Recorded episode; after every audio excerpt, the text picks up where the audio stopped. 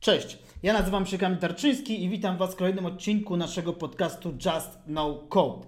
Dzisiaj porozmawiamy sobie trochę o tym, skąd brać wiedzę i gdzie szukać wiedzy na temat tego e, całego no-code'u, na temat tego, jak zostać no-code deweloperem i tak dalej, i tak dalej. Zanim jednak przejdziemy do tego, gdzie dokładnie szukać wiedzy, chciałbym powiedzieć dwa słowa na temat tego, co w ogóle do nauki no-code'u jest nam potrzebne. E, następnie porozmawiamy trochę o tym, dlaczego w ogóle warto tego no-code'u się uczyć, no-code'u czy low-code'u, no a później omówimy sobie już same źródła tej e, właśnie wiedzy. Na początku nauka. Co jest do niej potrzebne? Żeby zostać no-code deweloperem, de facto właśnie rozdzielmy sobie na początku może te dwie role. To jest coś, o czym kiedyś mówiłem e, już w jednym z odcinków naszego podcastu Kim jest No Code Developer. Znajdziecie do niego link e, tutaj na górze. E, możecie sobie przesłuchać ten odcinek. W tamtym odcinku mówiłem o podziale w ogóle ról na no-code developera i citizen developera, więc nie będę się na ten temat tutaj za bardzo rozwodził. Powiem tylko pokrótce, że no-code developer w naszym mniemaniu to jest raczej osoba, która ma wiedzę techniczną, programowała i tak dalej, i tak dalej, zna te wszystkie technologiczne niuanse.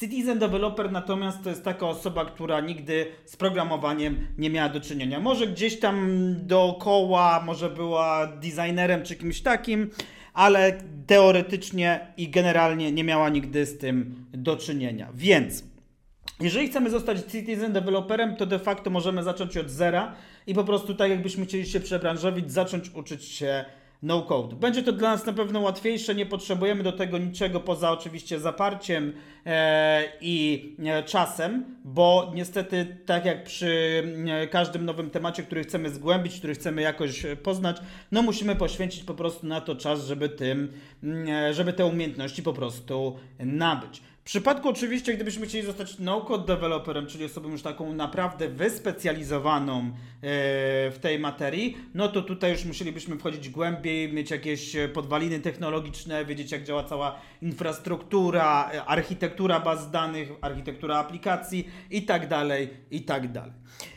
Natomiast dlaczego warto się w ogóle uczyć tego no-code'u? E, warto dlatego, że duże agencje, tak jak na przykład Gartner, albo duże firmy, tak jak na przykład Microsoft, przewidują, że no-code po prostu zje świat. I co to znaczy? To znaczy, że Gartner na przykład mówi, że już w przyszłym roku, czyli w roku 2024, aż 65% aplikacji na świecie będzie tworzone za pomocą właśnie no-code, low-code. Microsoft natomiast przewiduje, że w 2025 roku 450 milionów aplikacji z 500 milionów, które powstanie, powstanie właśnie za pomocą no-code'u. Są to gigantyczne liczby, które jakby pokazują trend. E, pokazują jeden trend, że de facto całe programowanie będzie szło w tą optymalizację tworzenia oprogramowania, bo oczywiście zwykli deweloperzy, tradycyjni deweloperzy nadal będą potrzebni, nadal będą mieli pracę i jakby no nie ma za zadanie ich zastąpić w żadnym wypadku, ma za zadanie po prostu tą pracę przyspieszyć, zautomatyzować, usprawnić w wielu aspektach. Dlatego w mojej opinii warto, dlatego że firmy coraz częściej na pewno będą wymagały takich umiejętności. Firmy na pewno będą chciały również takie kompetencje wewnątrz budować, więc w mojej opinii po prostu, czy w naszej opinii, kto pierwszy, ten lepszy. No i teraz tak. Skąd brać wiedzę na temat no-code'u. Teraz, jak wiecie, generalnie w świecie technologicznym, czy generalnie w ogóle na świecie źródeł wiedzy nie brakuje.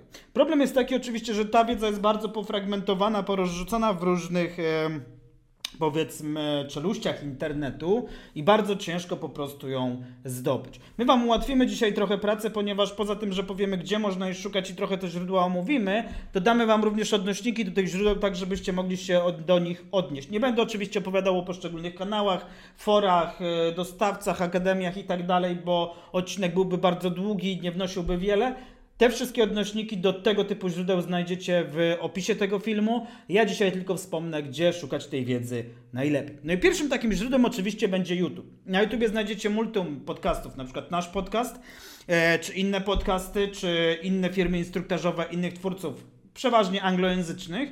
e, za pomocą których będziecie mogli e, zacząć budować tą swoją wiedzę dookoła różnych platform. I właśnie, różnych platform, dlatego że ta wiedza również jest poszatkowana i bardzo często osoby, które prowadzą kanał na temat no-code'u czy czegokolwiek, nie dają jednego usystematyzowanego źródła wiedzy, które prowadzi Was za rękę od A do Z na temat danej platformy, tylko robią wrzutki na temat różnych platform, różnych możliwości, różnych funkcjonalności. Oczywiście później pewnie tworzą z tego playlisty i tak dalej, bywa z tym różnie, więc tutaj trzeba troszkę cierpliwości, żeby znaleźć interesujące nas rzeczy. Plusem natomiast jest to, że YouTube ma dobrą wyszukiwarkę raczej. Jeżeli szukamy rozwiązania jakiegoś konkretnego problemu na konkretnej platformie, to na pewno yy, takie źródło znajdziemy. Kolejnym oczywiście yy, miejscem, gdzie możemy szukać wiedzy są różne blogi.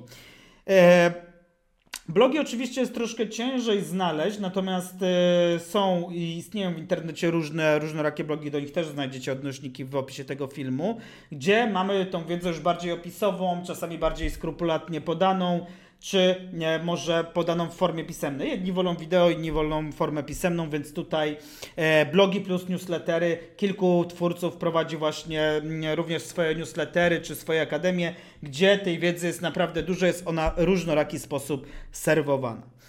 Według mnie jednym z najlepszych źródeł, jakie mogą być, kolejne źródło, to są akademie samych platform.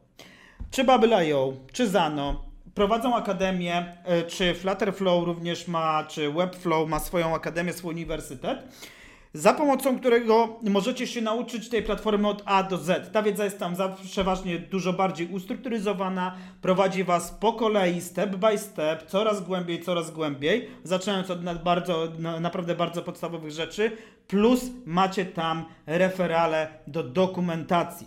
Czyli macie całe źródło wiedzy, takie naprawdę źródło, źródło podstawowe wiedzy na temat danej platformy. Minusem oczywiście jest to, że ta platforma pokazuje Wam, przeważnie te uniwersytety pokazują Wam, jak z nich korzystać, no ale nie pokazują, jak rozwiązać pewne problemy. Ponieważ tam na te problemy się nie, raczej nie natkniecie i właśnie rozwiązań tych problemów pewnie będziecie szukali wtedy na YouTubie. Natomiast Akademie, czy Babla, czy Zano, czy Webflow są to naprawdę bardzo bogate źródła wiedzy, które pomogą Wam e, nabrać tego skilla, przejść tą pierwszą ścieżkę, te pierwsze zasieki, żeby po prostu zacząć coś budować.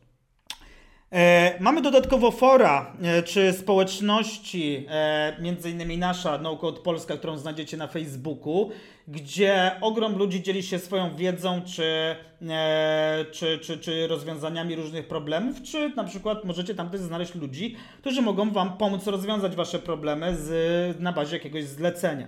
Najlepszym przykładem jest tutaj forum Babla, czy forum Zano, czy forum Webflow, gdzie jest gigantyczna społeczność ludzi, którzy tworzą na co dzień te rozwiązania, pluginy do tych rozwiązań i tak dalej, gdzie naprawdę praktycznie na każdy problem, który się Wam pojawi, no może nie na każdy, ale na pewno ich większość, możecie znaleźć rozwiązanie, pomoc, z, ogół, zrobić jakieś zlecenie czy cokolwiek innego. Więc tej wiedzy jest naprawdę ogrom. Tutaj na końcu chciałbym wspomnieć również o, jeżeli ktoś z Was jest zainteresowany rozwojem w kierunku platformy Bubble, to wspomnieć chciałbym o dwóch świetnych książkach, które powstały. E, napisał je Peter Amil.